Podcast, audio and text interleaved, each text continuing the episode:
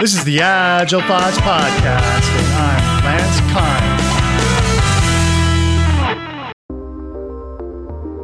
Five, four, three, two, one, zero. All engine running. Liftoff. We have a liftoff. So I'm Shan. My full name is Shanmuga Subramanian, and I am an IT developer who found Chandrayaan 2 debris on Moon. This is a continuing episode of a series with lunar explorer Shanmuga Subramanian. We'll be talking about an event that happened in the past. Congratulations to India for successfully landing on the moon with their latest lander.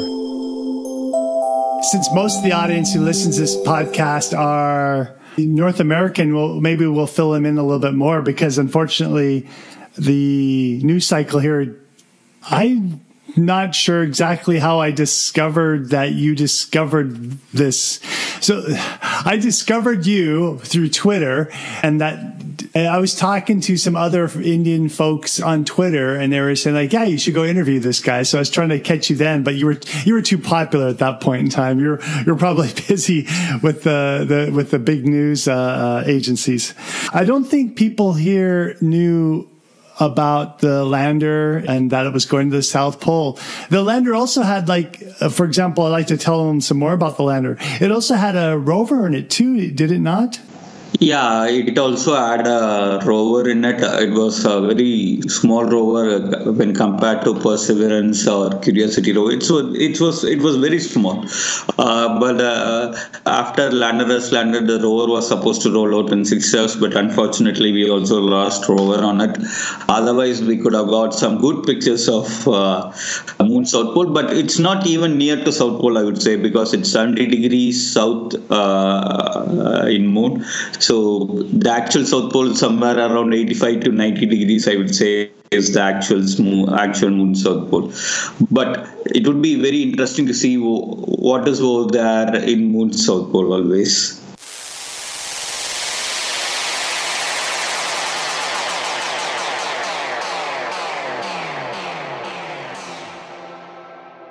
The lunar South Pole is the southernmost point on the moon. It is of special interest to scientists because it has water ice in permanently shadowed areas.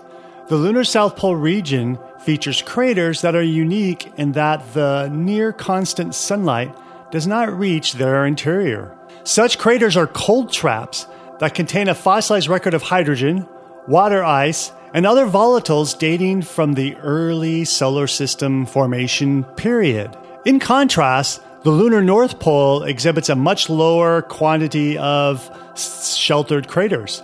A cold trap is a concept in planetary sciences that describes an area cold enough to freeze or trap volatiles. Cold traps can exist on the surfaces of airless bodies. The ice is trapped inside of a cold trap can remain there for geological time periods, allowing for a glimpse far into the primordial time of the solar system. Ice doesn't spread all over the moon, but stays in these cold traps because there are thermophysical properties such as scattered sunlight, thermal re radiation, internal heat, and light given off by Earth. Lunar missions have been happening since 1958. The first successful one was in 1959, where the Soviet Union smashed a spacecraft called Lunik 2 into the moon's surface. This is known as a hard landing. A soft landing is where the spacecraft touches down so that the spacecraft is intact. So far, 38 soft landings have been attempted on the moon. The success rate is 52%. Upcoming missions to the moon are Blue Origin is planning a mission to the South Pole region in about 2024. Chandrayaan 3 is planned for August 2022. Chandrayaan 3 is aiming for the same landing site on the moon's South Pole region as the Chandrayaan 2 mission. The word Chandra means moon. Yan means vehicle. So a mission called Chandrayaan implies there's a lunar mission with a vehicle. If all goes according to plan, India would become the fourth country to successfully soft land on the moon, after the United States, Russia, and China. Although none of those countries has yet landed in the ice rich South Pole. The Chandrayaan 3 mission will carry a rover and the lander. The Chandrayaan 2 contained also an orbiter. Videos to these various missions are in the show notes.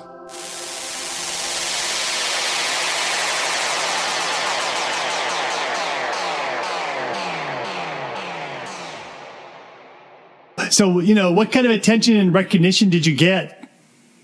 I mean, we talked a little bit about NASA, but Okay. we're, we're like, I think I remember the day very well. Uh, I slept some sometime late, something like uh, 11 p.m. in the night, and I also I used to have an habit of uh, just keeping my laptops on uh, without ever shutting it down, going to sleep.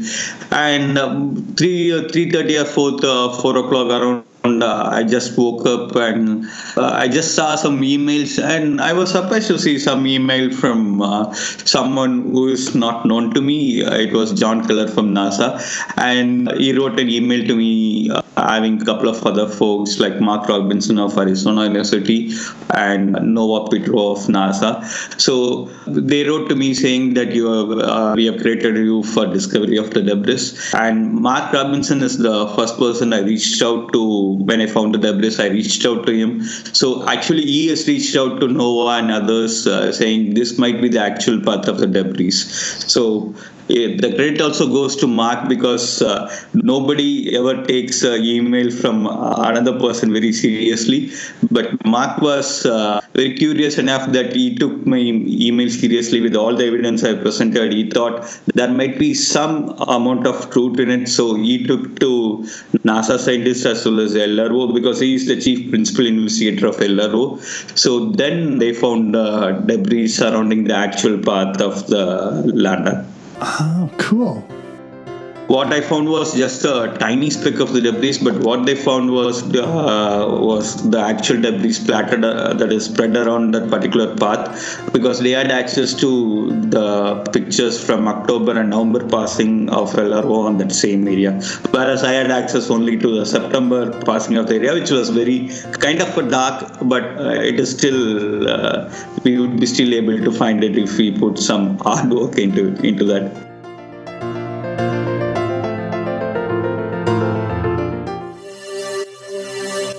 Kartar.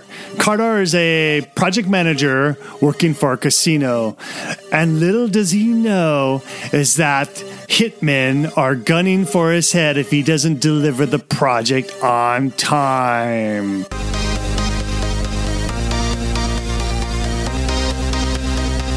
Kartar has caught the attention of a Rishi, and this Hindu demigod is not satisfied with helping Kartar change just his project, but he wants Kartar to change his life as well.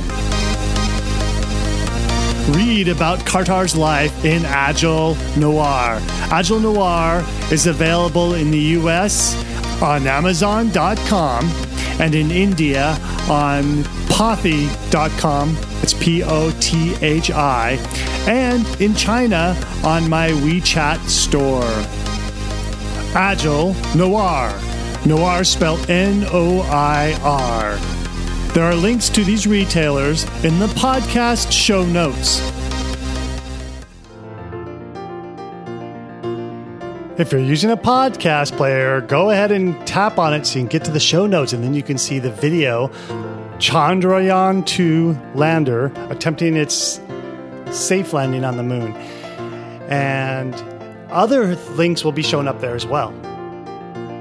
Where are the show notes? The show notes show up in your podcast player app, or if you downloaded this MP3 from the website, go back to the website and the web page from which you got this will show the show notes there.